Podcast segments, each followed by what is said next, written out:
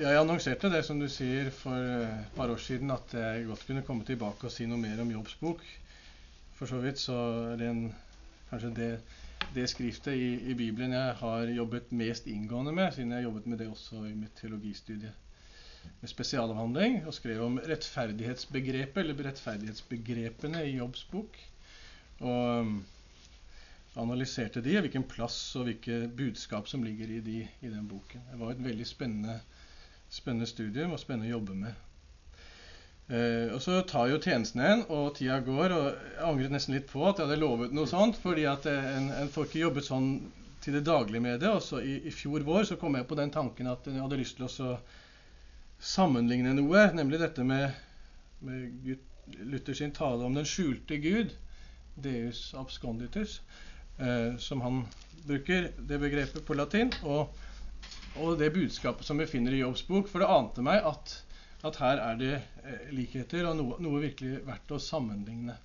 Så jeg gikk i gang da med det studiet og begynte å studere Luther først, eh, siden jeg på forhånd hadde noe kjennskap til Jobbs bok. Og, og så ble det liggende litt, og så fikk vi jo en krise i kirken vil jeg jo si vi har fått, som har opptatt meg veldig mye, og som går på helt andre ting, og som har tatt oppmerksomhet og studietid og i det hele tatt uh, krefter og mental kapasitet. Uh, så det ble sånn halvstudert, det hele. Men uh, jeg måtte ta tak igjen nå som studiepermisjonen var ferdig i høst, og ville veldig gjerne komme tilbake hit. Og nå har jeg forberedt noe som må si er ganske foreløpig når det gjelder studiet, men, men det er noe å, å dele. Og det er noe å, for oss alle å tygge på og jobbe videre med, også for meg og for dere, vil jeg tro. Så Derfor så er det ikke jobb versus Luthers tale om, om den skjulte Gud, men Jobbs bok og Luthers tale om den skjulte Gud, som jeg vil si noe om. Og Da vil jeg innledningsvis først be, og så skal jeg si det jeg har på hjertet.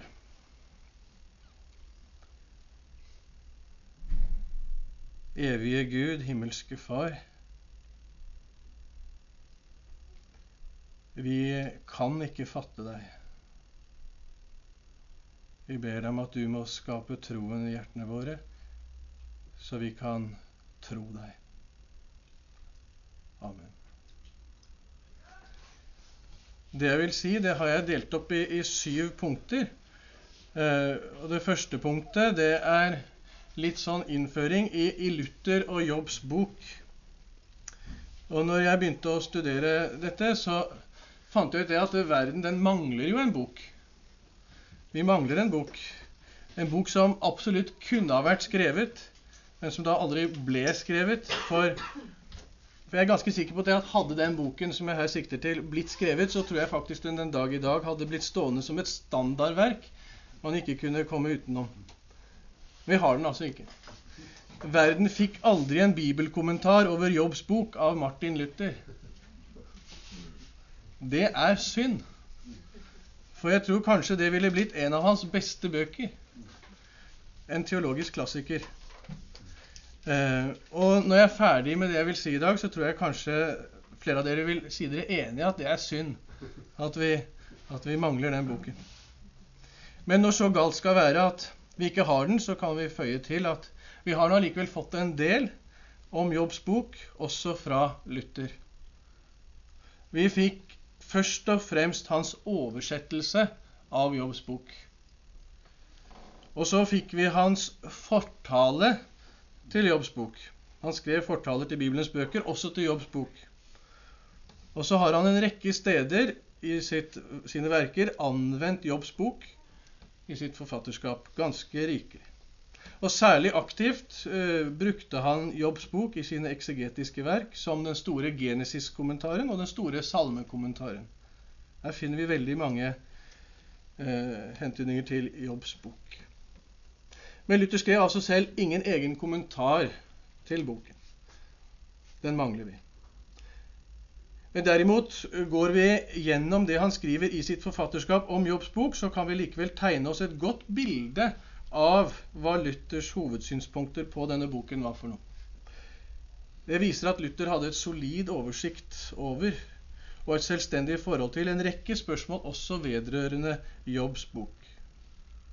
Og Luther viser seg som en, faktisk en moderne ekseget i det han også stiller seg kritisk til en del av tradisjonens syn på Jobbs bok.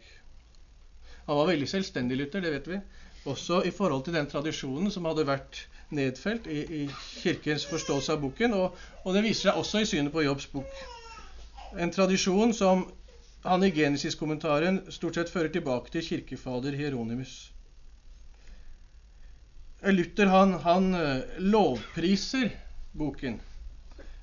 Bl.a. Jobbs bok for å ha, som han sier, det mest kraftfulle, herlige og storslåtte språk framfor noen annen bok i hele Skriften. Det er ingen liten anerkjennelse å få av språkmannen Luther. Det mest kraftfulle, herlige og storslåtte språk framfor noen annen bok i hele Skriften. Det er det Luther sier om Jobbs bok, bl.a. Senere eksegeter og språkmektige bibeltolkere har på samme måte lovprist språket i Jobbs bok. Boken er nesten et under i seg rent språklig. Og det er etter min mening sannsynligvis det mest storslåtte litterære verk som overhodet er kommet på trykk. Både kompositorisk og språklig vurdert. Og det er ikke uten grunn at også store forfattere gjennom historien, som Goethe, Dostojevskij, Kirkegård, Kafka, med mange flere har vist uttrykk for hvordan Jobbs bok har vært en kilde til inspirasjon i deres forfatterskap. Og slik også for Luther. Jobbs bok har gjort dypt inntrykk på ham. Og den samme språkmannen Luther han, han sier om Jobbs bok at den har en tekst og det er jo noe til oss som jobber med norsk bibel. Jobbs bok kan ikke oversettes ord for ord, sier han. Den må oversettes etter sin mening. Og um, vi kan moderere han litt der og tilføye selv ikke den ene eller den andre oversettelsen eller oversettelsesmetoden makter helt og fullt å gjengi den store fylden som ligger i den hebraiske grunnteksten. For der ligger en enorm rikdom i bunn og grunn som ikke er oversettbar. Jobbs bok handler om så store ting at den setter språkets yttergrense på den største prøve. Og det er noe av det Luther sanser og skriver om når han lovpriser dette. I Jobbs bok står den som en åpning mot det ordløse, det transcendente, der det bare er tro og tilbedelse igjen. Og Luther han viser fremfor alt i fortalen som han har skrevet til Jobbs bok, at han har grepet selve problemstillingen i boken på en etter min, mitt skjønn saksvarende måte når han sier Jobbs bok sier han, handler om hvorvidt ulykke kommer fra Gud, selv for den rettferdige. Hvis, Jobb, nei, hvis Luther skal si hva Jobbs bok handler om, så sier han det sånn. Jobbs bok handler om hvorvidt ulykke kommer fra Gud, selv for den rettferdige. Der har du temaet, ifølge Luther. Og med disse ordene setter Luther fingeren umiddelbart på kjerneproblemet, kjernespørsmålet i Jobbs bok, nemlig forståelsen av Gud. Lidelsen er ikke hovedproblemet, ikke prøven som Jobb blir satt på heller. Ikke det onde eller Satans makt. Det er ikke hovedspørsmålet. Men Gud. Som Luther sier, hvorvidt ulykke kommer fra Gud, selv for den rettferdige. At den tanken skulle slå oss, at ulykke kommer fra Gud, selv om vi, nær sagt, var hellige, rene og rettferdige. Det er temaet i Jobbs bok, ifølge Luther. Og jeg selv mener at Luther her treffer spikeren ganske på hodet, selv om jeg ville formulert det noe annerledes selv. Men i dag er det Luther som har ordet. Vi har derfor fått en rekke sentrale synspunkter fra Luther på Jobbs bok. Likevel, selv om vi også mangler en fullstendig kommentar fra hans hånd til denne perlen blant Skriftens bøker. Det var punkt én, litt om Luther og Jobbs bok. Så punkt to Luther og hans tale om Deus absconditus. I flere av bøkene til Luther så møter vi også uttrykket Deus absconditus, den skjulte Gud. Og Slik sett er talen om, om Deus absconditus et stående uttrykk i Luthers verker. Men det er nå engang særlig i møte med Erasmus og i spørsmålet om viljens, eller etter viljens frihet og Guds predestinasjon, utvelgelse, at Luther i stor utstrekning anvender uttrykket deus absconditus. Og det er bl.a. denne talen hos Luther om den skjulte Gud som gjør at jeg er lei for at vi ikke har en egen bibelkommentar av Luther på Jobbs bok. For hadde vi hatt det, så tror jeg nettopp Luther i enda større grad hadde behandlet dette utførlig uttrykket deus absconditus der i den kommentaren. Skulle gjerne hatt det. For ingen bok i Bibelen egner seg bedre til å understøtte det synspunktet som Luther vil ha frem med uttrykket 'deus absconditus', som nettopp Jobbs bok. Den Gud som i seg selv er uendelig, ufattelig, opphøyet i sin majestet Og det er mange ord om det. Deus absolutus er brukt. Eller som Luther-biografen Walter von Löwenich sier det, Gott fyr sich, eller på latin Deus per se. Altså, det handler om Gud i seg selv. Om Gud selv. Det som også Rudolf Otto betegner gudstalen i Jobbs bok som, nemlig som das moment des mysteriosum det mysteriøses øyeblikk, der det står innenfor Gud i seg selv, der jobb er stilt overfor den uendelige Gud. Den lutherske teologen eh, Werner Ehlert, som har skrevet en solid sammenfatning av Luthers teologi, eh, han skriver i den boken der han sammenfatter den teologien, at eh, Luthers lære om den skjulte Gud kan han sammenligne med Delvis, ikke helt likt, men allikevel delvis sammenligne med Immanuel Kant sin erkjennelsesfilosofi. Han peker på nødvendigheten av å skille mellom det immanente jeg, den empiriske erkjennelsen av det guddommelige jeg, det som hos Luther ville svare til Deus revelatus på den ene siden, og på den andre siden det transcendente jeg, som svarer til Luthers Deus absconditus, og som ikke er tilgjengelig for oss. Das Ding an sich, ville Kant si. Luther han eh, var ved siden av å være en teolog og tvunget av Skriftens ord i alt han sa og tenkte, så var han også en tenker. Og her kunne vi hatt fått mye hvis Luther hadde tenkt videre langs med linjene i Jobbs bok om disse tingene. Men vi får holde oss til det vi har.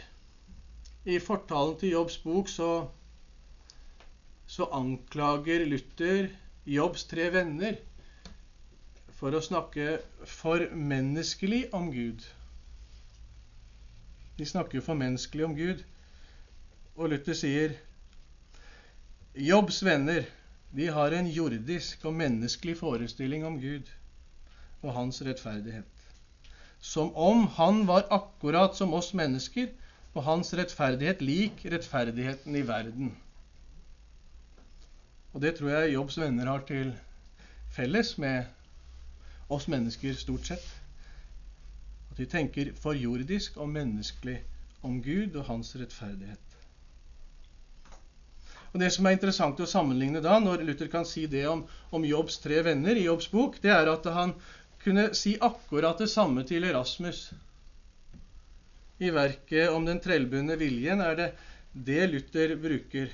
Det er der han bruker uttrykket 'deres absolutus', og så sier han til Erasmus Du tenker altfor menneskelig om Gud. Som om alt var klart. Som om alt lå dekket for deg til å uttrykke alt du vil si om Gud og Guds vilje. Du tenker altfor menneskelig om Gud. Anklagen som Luther bruker mot Jobbs tre venner i Jobbs bok, er altså den samme anklagen som Luther bruker mot Erasmus i skriftet om den trellbundne vilje. Og Det er interessant å merke seg. De tenker og taler for dennesidig. For dennesidig om Gud. For menneskelig, for jordisk. For lavt. For lite. De har ikke grepet eller rom for deus absconditus, den skjulte Gud. Det transcendente, det store, det ubeskrivelige, det vi ikke forstår, det vi ikke kan se, det vi ikke kan gjennomskue, det vi ikke kan fatte på noen som helst slags måte. Det er borte. Vi tror vi har grepet Gud. For Luther er Gud Gud. Og Derfor kan han si til Erasmus og til oss Det er én vilje som ikke skal utforskes. En vilje hos Gud, underforstått, som ikke skal utforskes, men bare tilbes i ærbødighet som den suverent mest respektinngytende hemmelighet, som den guddommelige majestet har forbeholdt seg selv alene og forbudt oss å kjenne. Altså, Gud har noe ved seg som vi ikke skal kjenne, og som Gud har forbudt oss å kjenne, ifølge Luther. Guds egen majestet. For i den utstrekning Gud skjuler seg Der har vi uttrykket. For i den utstrekning Gud skjuler seg og vil være ukjent for oss, angår han oss ikke, sier Luther til Erasmus. Og så skrev Erasmus denne diatriben, som det blir kalt, det svaret til Luther på, på skriftet om den frie vilje. Men diatriben, sier Luther da, fører seg selv bak lyset i uvitenheten sin, i og med at den ikke gjør forskjell på den skjulte Gud og den forkynte Gud. Det vil si på Guds ord og på Gud selv. Gud gjør mange ting, sier Luther, som han ikke viser oss gjennom sitt ord. Luther lærer oss å gjøre forskjell på, på Guds ord og Gud selv. På den skjulte Gud og den forkynte Gud. Og det er mye vi ikke har innsikt i og ikke kan forstå, og ikke skal forstå, for Gud har ikke tillatt oss eller gitt oss innsikt i det. Og det er viktig for Luther å få fram. Luther føyer seg her godt inn i den kristne mystikken, for så vidt, som vet at Gud er semper major, alltid større. Vi kan aldri gripe han. Det, det vet mystikerne. Det vet de som har levd i kontemplasjon. Det vet de som, som lever i bønn. Det vet de som har lest sin bibel. Gud er alltid større. Salmenes bok det slo meg igjen når vi, vi ba Salme 46 her inne under, under vesperen at ja, sånn er det. Gud er større. Men nettopp i dette gudsbildet er det altså at Luthers tale om Deus absconditus, at Gud alltid er større, også skjult. Denne sammenligningen med Jobbs bok blir interessant. Fordi det gudsbildet som Jobbs bok understreker, er nettopp denne guddommelige majesteten, som alltid er større enn våre begreper, ord og vår forståelse av Han. Ja, Gud er større enn det Guds ord som Han har åpenbart for oss. Og vi må ifølge Luther gjøre forskjell på det på det Guds ord Han har åpenbart, og Gud selv. Samtidig som vi bare kan kjenne Gud gjennom åpenbaringen. Og Det er like viktig og grunnleggende for Luther som at vi ikke kan kjenne hele Gud, at vi bare kan kjenne Han gjennom åpenbaringen. Men her er det også sammenheng mellom Luthers skjulte Gud og Jobbs Gud. Den guddommelige majesteten, den umålelige målestokken. Den Gud som ikke svarer, og som skjuler seg for jobb, og som gjør lidelsen vanskelig å forstå. Da har vi sagt noe om Luther og Jobbs bok, og litt om Luthers tale om Deus absconditus, slik han, han brukte det i møte med Rasmus. At han talte og tenkte altfor menneskelig om Gud, slik Jobbs tre venner gjorde. Og Derfor er neste punkt, punkt tre, det å tale om Gud. Og denne å tale om Gud, så, så fant jeg noe hos Luther-forskeren Gerhard Ebeling han antyder i sin bok 'Luther en innføring i hans tenkning' følgende spørsmål. Han sier i en tid der det dypest sett er blitt problematisk hvordan man skal kunne tale om Gud på en ansvarlig måte, må det kategoriske i Luthers måte å tale om Gud på virke utfordrende. Ebling setter fingeren på noe som, som vi kjenner på. Det problematiske i hvordan man skal kunne tale om Gud. Kanskje man skulle satt punktum der i vår tid. Det problematiske i det hele tatt å tale om Gud. Men han sier 'på en ansvarlig måte'. Og så gjør han det problematiske enda mer problematisk med å peke på at Luther han var kategorisk i sin måte å tale om Gud på. Og det er en utfordring, sier Ebeling. Så Her antyder Ebeling spørsmålet etter hvordan vi altså kan tale ansvarlig om Gud. Og det er ikke et ukjent problem i vår tid heller. For vår tid tror jeg kjenner det som et eksistensielt spørsmål. Hvordan kan vi overhodet si noe om Gud? Er det i det hele tatt mulig å si noe sant og meningsfullt om Gud? Og dersom vi kan si noe, hva kan vi i så fall si? Og hvordan kan vi tale ansvarlig om Gud? For Luther og helt tatt for kirkens teologi så har det vært avgjørende at Gud har åpenbart seg. Han har åpenbart seg selv for oss. Og hele Luthers teologi, og all sann teologi, vil jeg for så vidt føye til, forutsetter åpenbaringen og hviler i åpenbaringen.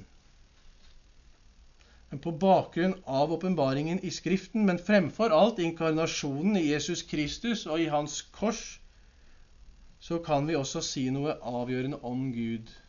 Vi kan si det Gud har åpenbart. Og det er det virkelig store. Det er det helt enestående at Gud har åpenbart noe som helst. Og at det finnes en åpenbaring. For vi kan si noe om Gud. Og i det vi kan si om Gud, så må Luther lære oss å være kategoriske. For nettopp her, at Gud har åpenbart seg, så finner han også det faste punktet i alle ting. Ja, Luther kan altså ifølge Ebeling si om Gud kan man bare tale i kategoriske påstander.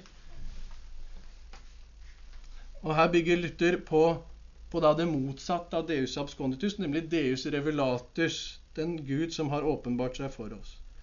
Og det som Gud har åpenbart, er sikrere enn noe annet, sier Luther.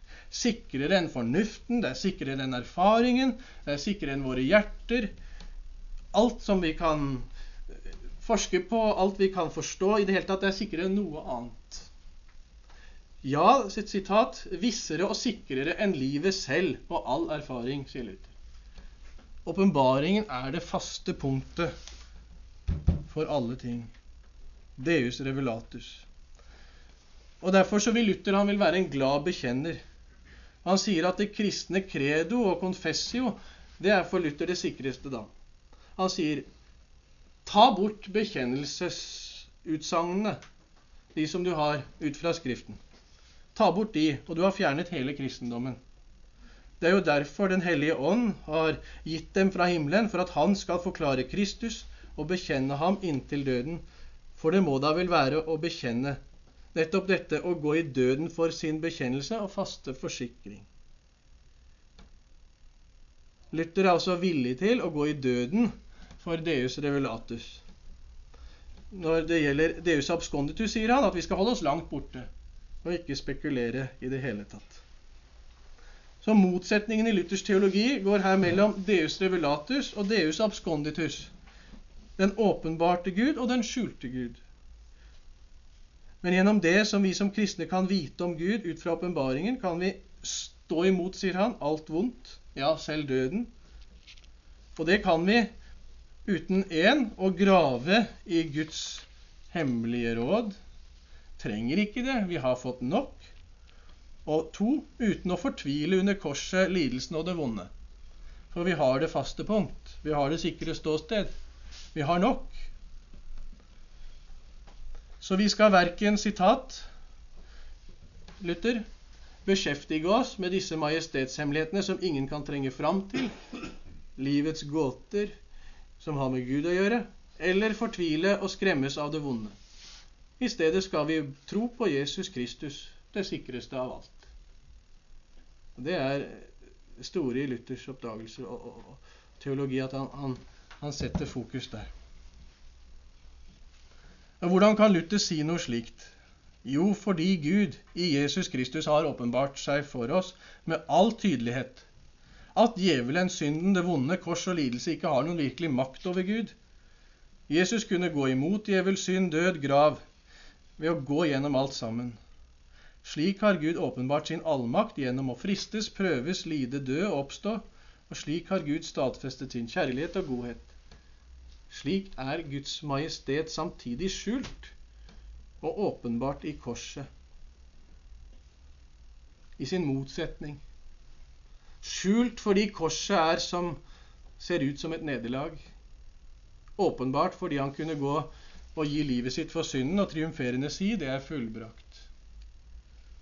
Det er bare troen som kan se det. Luther har derfor lært oss å tale på den måten, kategorisk om Gud, slik vi gjør i vår bekjennelse. Jeg tror på Gud Fader, den allmektige himmelens og jordens skaper. Og så slår vi fast troen, slik den er åpenbart for oss i Skriften, inkarnasjonen. Det vi kan si om Gud, det må vi si, kategorisk og med sikkerhet. Og det vi ikke kan si om Gud, må vi la ligge som Guds hemmelighet. Og det er på en måte i en sum det enkleste vi kan si om dette Luther har å si om Deus revelatus, Deus absconditus. En Gerhard Ebeling, Luther-forskeren, han peker med rette på den utfordringen som slike kategoriske utsagn om Gud utgjør. For det moderne mennesket vegrer seg nemlig for å tale kategorisk om Gud. Ganske enkelt fordi det åndsmiljø som omgir oss, stiller seg agnostisk til om Gud faktisk finnes. Og da er ikke spørsmålet 'Hva kan vi vite om Gud?' Men kan vi vite noe om Gud? Og akkurat Forskjellen på de to spørsmålene de er større enn vi kanskje får øye på med en gang. Hva kan vi vite om Gud? kan vi vite noe om Gud. Men spør vi hva kan vi vite om Gud, så ligger det i selve spørsmålet en forventning om et svar. Kanskje et positivt svar. For med spørsmålet etter hva, så ligger det en forventning om at vi i det minste kan vite noe. Hva? Hva er det? Noe. Og Kirkens svar på dette spørsmålet, det er det noe vi kan vite om Gud, det er det Gud har åpenbart for oss. Det kan vi vite om Gud.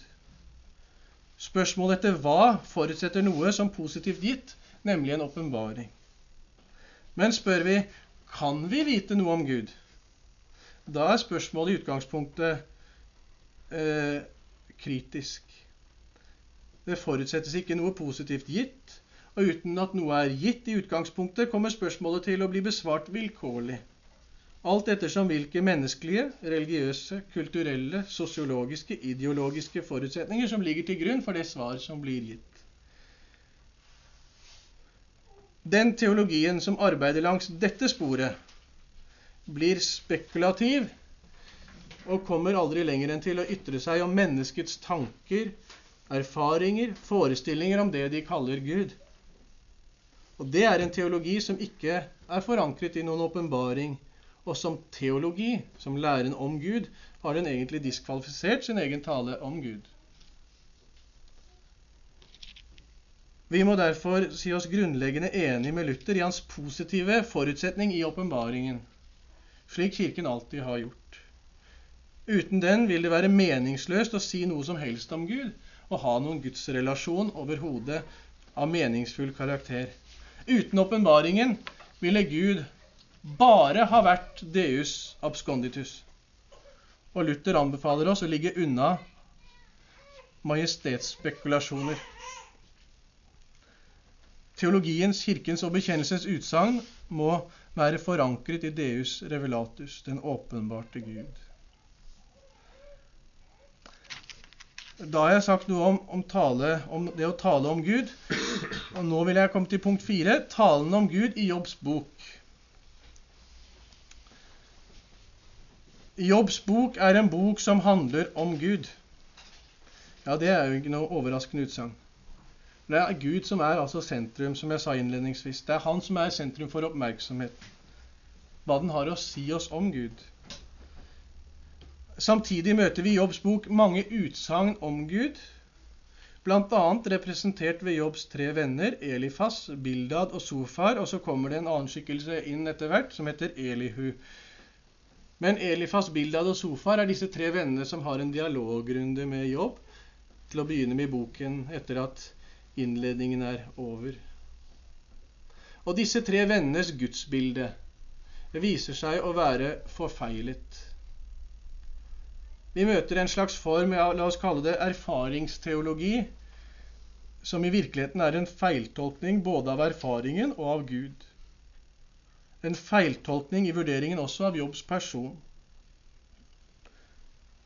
Og den feilslutningen de gjør, det er det at de, de prøver å lese, lese Gud, tolke Gud på bakgrunn av de erfaringer, det de ser rundt seg i forhold til de det som skjer med jobb og hans lidelse. Men Gud kan ikke avleses empirisk gjennom våre erfaringer. Gud kan ikke eh, tolkes i lys av vår lykke eller ulykke, vår glede eller våre lidelser. Våre erfaringer kan ikke være noen som helst slags målestokk for hvordan Gud er. Vi kan ikke felle noen avgjørende dom over Gud.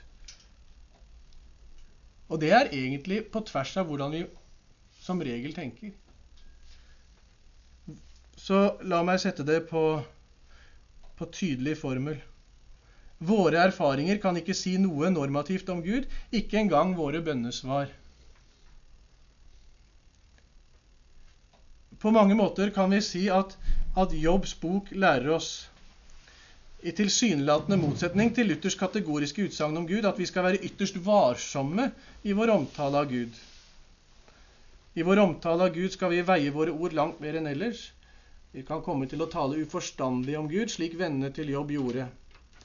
Og Det er jo nettopp der det slutter i Jobbs bok. I kapittel 42 vers 7 så kan vi lese Da Herren hadde talt disse ord til Jobb, sa han til Elifas fra Teman. Min vrede er opptent mot deg og mot dine to venner, for dere har ikke talt rett om meg, som min tjener Jobb. Gud er, er vred mot disse to, for dere har ikke talt rett om meg, som min tjener Jobb. Altså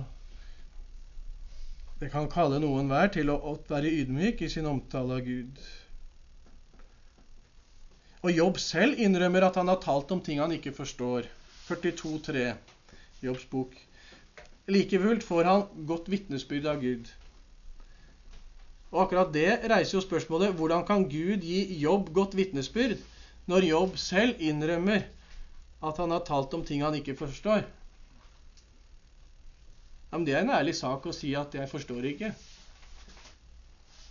Jobbs venner var ikke like ydmyke på det. De trodde de hadde tolket Gud rett ut fra erfaringen. Fordi Jobb er den eneste som i hele sin tale har latt Gud være Gud, suveren Gud. Han har utfordret Gud, ja, men han har ikke latt Gud bli noen annen enn den han er. Jobb har ikke uttalt seg kategorisk om den skjulte Gud, men bare utøst sin klage, sin fortvilelse, sitt mørke og den nød som han har, og som gjør at han ikke kan forstå Gud, og, og dermed klager. Det er greit. Klageropet har stor plass i Bibelen, Salmenes bok. Og gammeltestamentleren Klaus Westermann bestemmer hele Jobbs bok som en dramatisert klagesalme. Og det er mye i det. Og særlig sentralt, sier Westermann, står hvorfor-spørsmålet i kapittel 10. Hvorfor lot du meg komme ut av min mors liv? Hadde jeg bare dødd, så intet øye hadde sett meg. 10.18. På en måte den dypeste fortvilelsen at den i hele tatt har fått livet. Og det er jo et paradoks at Gud lar det livet han har skapt, bli så vanskelig at den som har fått livet som gave, synes døden hadde vært å foretrekke. Og da er det jo rett å klage. Klage til Gud når Gud blir så uforståelig. Med sine klagerop, sier Westermann, så fanger Jobb i seg nær sagt hele menneskeslektens mange hvorfor. Men dette hvorfor vendes ikke til en avgjørende dom over Gud i Jobbs munn? Men Jobb utfordrer allikevel Guds rettferdighet dersom det skulle forholde seg slik som vennene hans påstår. Vennene, derimot, de har gjort Jobbs erfaringer om til utsagn om Gud og om Jobb, og det var der de tråkket feil. Jobb må ha syndet fordi han lider, sa de. Gud straffer og tukter Jobb fordi eh, Jobb skjuler sin skyld, sa de. Slik tolker vennene til Jobb erfaringene som Jobb gjør, og lager teologi av disse erfaringene, krysset med en misforstått teologi om Guds rettferdighet. De tenker altfor menneskelig om Gud.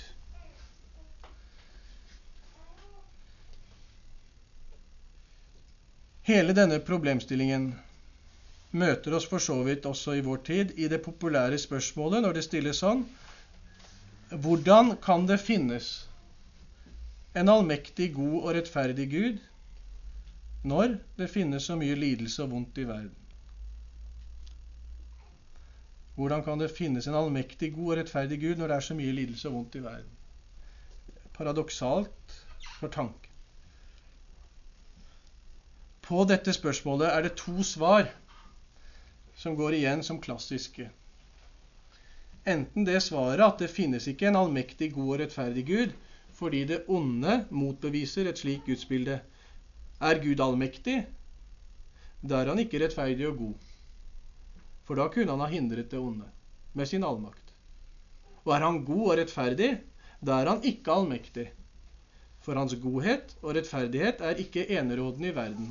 Det erfarer vi. Jobbs kone kan kanskje stå og brukes som eksempel for å illustrere de menneskene som gir dette svaret. For hun oppfordrer Jobb til å si Gud farvel og dø. Eller vi kan også oversette det med 'forbann Gud og dø'.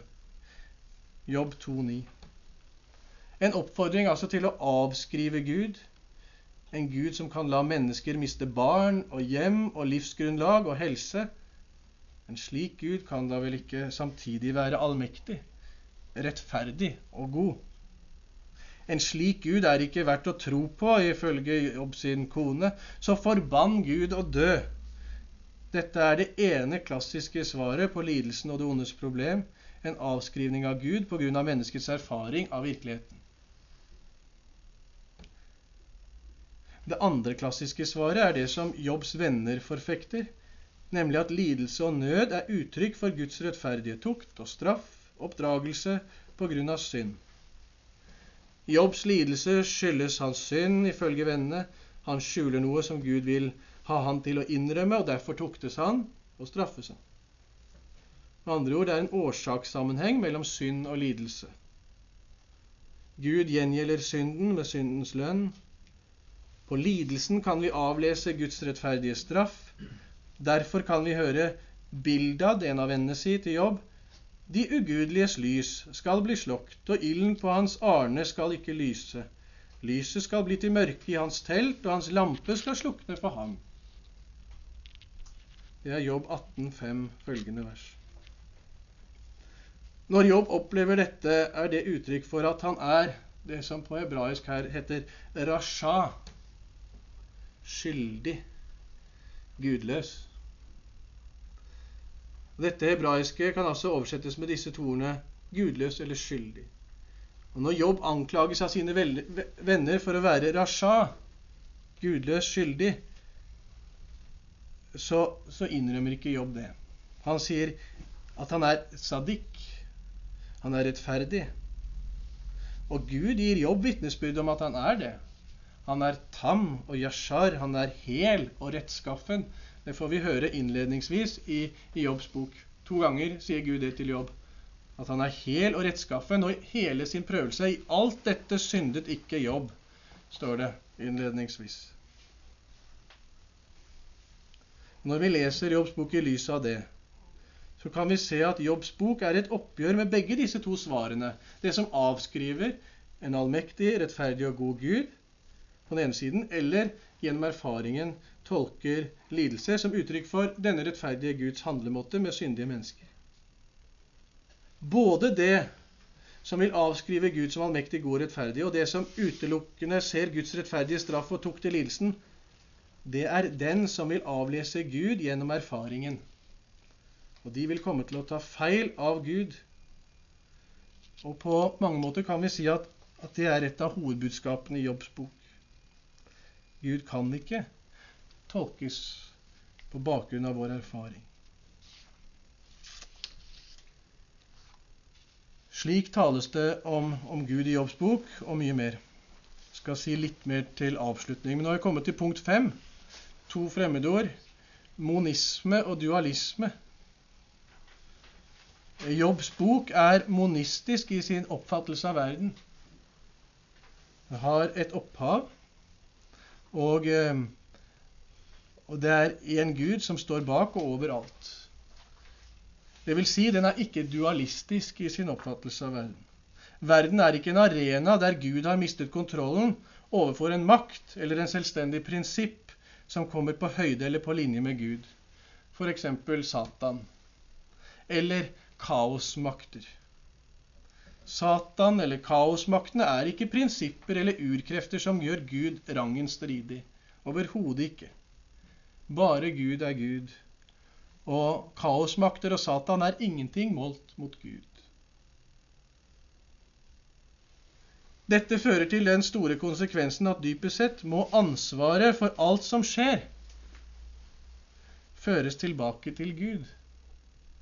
Det er konsekvensen av en monistisk forståelse av virkeligheten. Alt som skjer, må føres tilbake til Gud. Selv lidelsen. Selv det vonde som skjer selv det som ikke kommer fra Gud, har Gud ansvar for når det skjer. Og troen er å hvile i det. At alt kommer fra Gud. Hva er det Jobb sier? Herren gav, Herren tok, Herrens navn være lovet.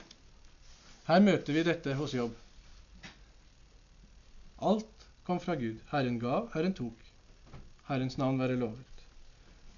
Og han sier, det er i, i 1.21, og i 2.10 så sier han, skal vi bare ta imot det gode fra Gud? Skal vi ikke også ta imot det onde? Det er jo en uhyrlig tanke, da. At vi skal kunne ta imot det onde fra Gud. Men det er konsekvensen av en monistisk tanke. Det er bare troen som kan tale sånn. Troen som lar alle ting hvile i Guds hånd.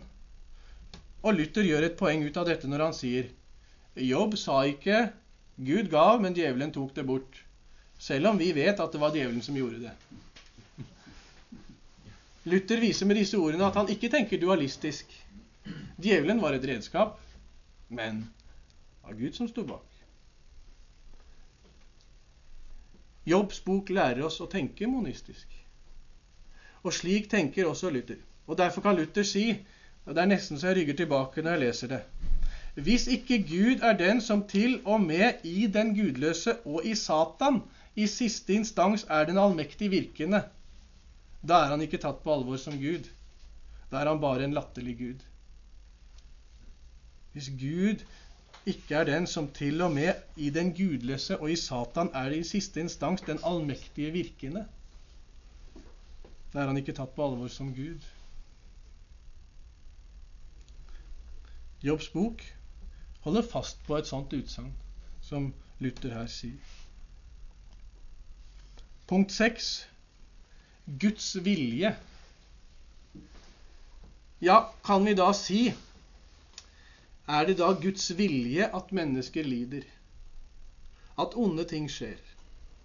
kan Gud være rettferdig når Gud, som må bære det avgjørende ansvaret for alle ting, lar det vonde skje på jorden. Her er det at Luthers tale om Deus absconditus og Jobbs bok virkelig kan hjelpe oss med svaret. Og Vi kan ikke si at det er Guds vilje på en måte. For hva som er Guds vilje, kan vi ikke spekulere i. Det er majestetshemmeligheter vi ikke har noe med. Det hører hjemme blant de ting som er skjult for oss. For Gud har ikke åpenbart oss til fulle alle svar på det ondes problem og hvorfor det onde skjer. Vi kjenner heller ikke Guds vilje til bunns. Gud er større enn det han har åpenbart for oss. Og derfor kan vi heller ikke bruke det onde som skjer, til å si noe om Guds vilje. Det er eksistensielt når vi opplever noe som virker meningsløst og vondt. Et lite barn som dør i trafikken. Var det Guds vilje?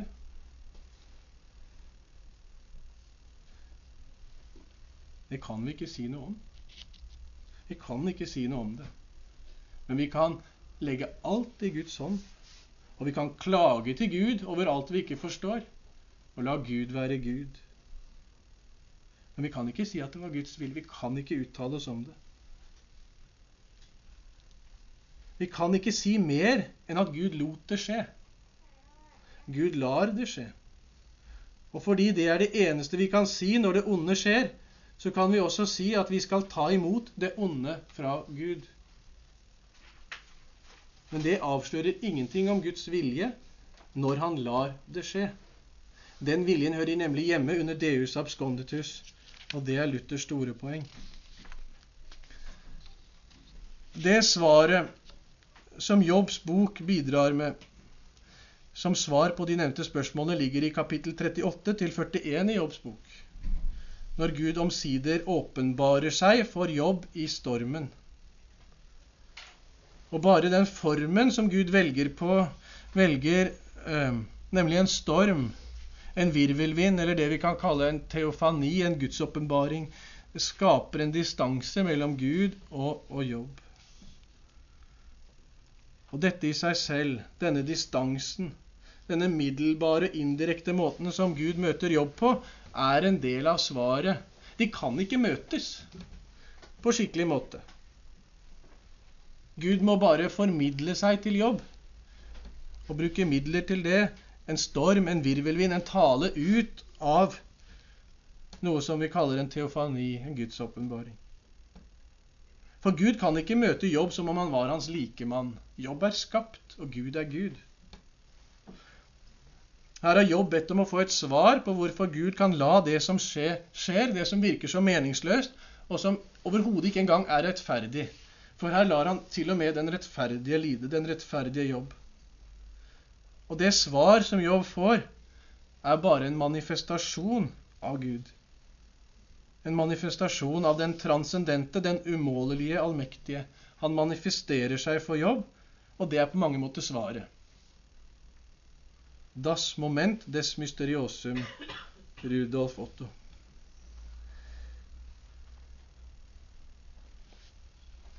Og Her er vi inne på et stort tema som jeg ikke har rørt i det jeg har sagt, nemlig spørsmålet etter Guds rettferdighet i Jobbs bok.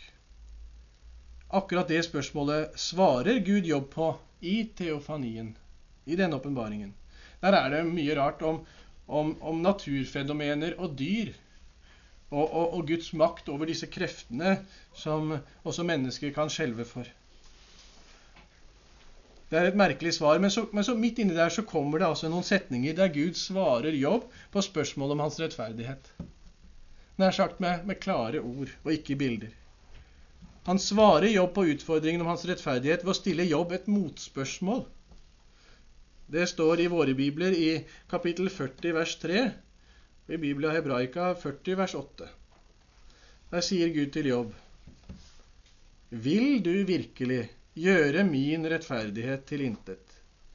Vil du virkelig gjøre min mishpati, mishpat, til intet? Vil du dømme meg for at du skal få rett, for at du skal få tidsdakk? etter min vurdering av Jobbs bok, gir disse ordene, disse to spørsmålene omkring Guds mishpat og Guds tzedek, hans rett, rettferdighet, selve svaret på hele problemstillingen i det bidraget som Jobbs bok har til åpenbaringen av Gud og dannelsen av et bibelsk gudsbilde. For når Gud spør slik, så trer det så tydelig fram at menneskelig målestokk på rett og rettferdighet vil gjøre min rett og rettferdighet til intet, så du skal få rett. Det gjør altså menneskelig rett og rettferdighet smått og puslete sammenlignet. Vi tenker da altfor menneskelig om Gud. om vi skulle sammenligne det i det hele tatt. For Guds mishpat, dette hebraiske ordet som, som handler om Guds dommer, hans rett, hans orden, hans styremåte, som dette mishpat handler om.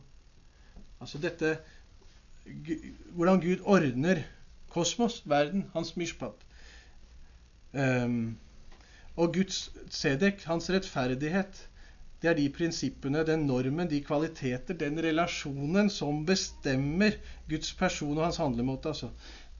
De veier opp hverandre, disse begrepene. Det er det som holder hele kosmos i likevekt.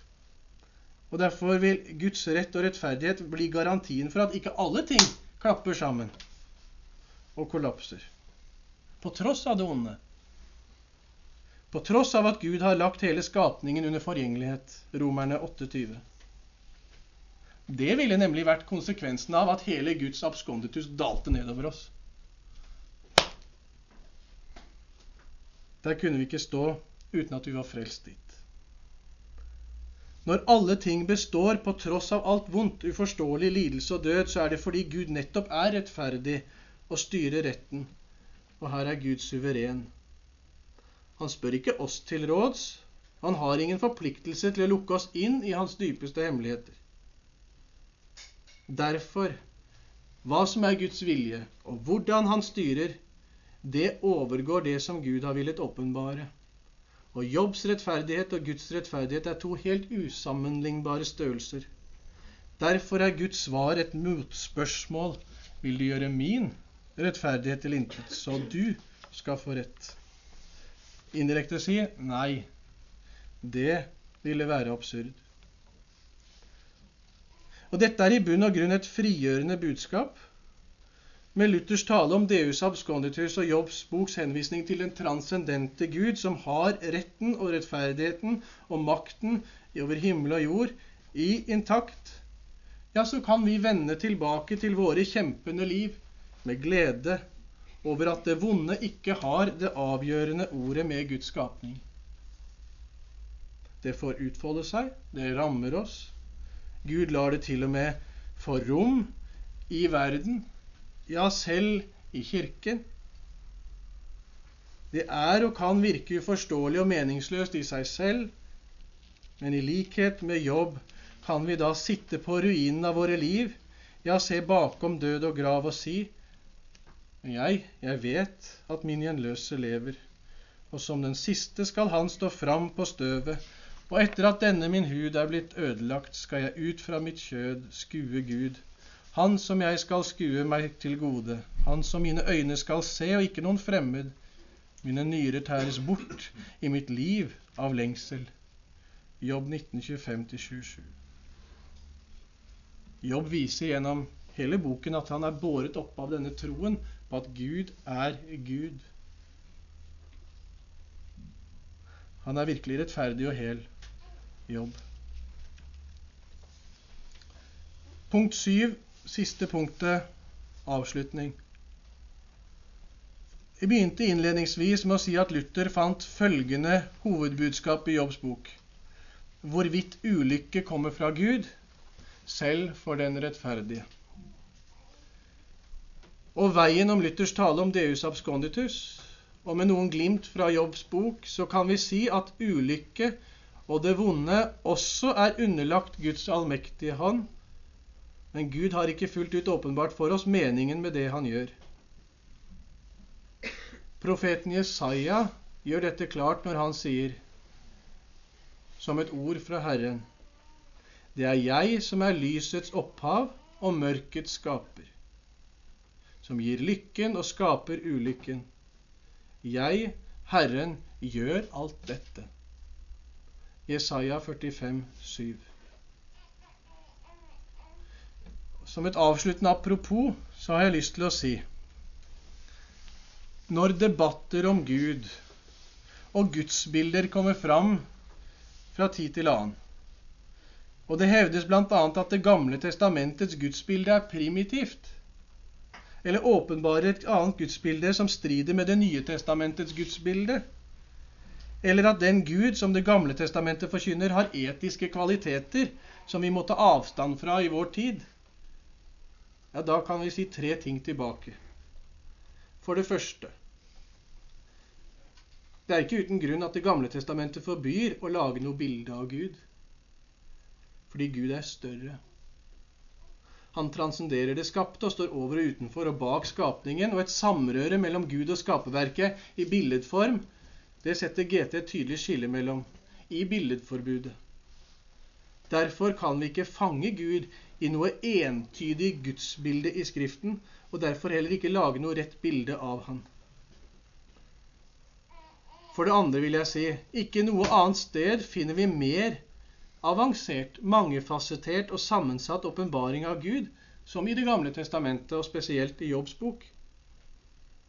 Jeg vil nesten hevde at det er manglende innsikt i eller kunnskap om dette som kan få noen til å hevde et primitivt og uetisk gudsbilde i GT.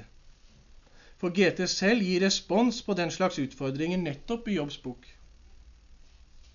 Og for det tredje å bruke erfaringen som kriterium for å si noe avgjørende om Gud, også der man erfarer Gud som ond, i f.eks.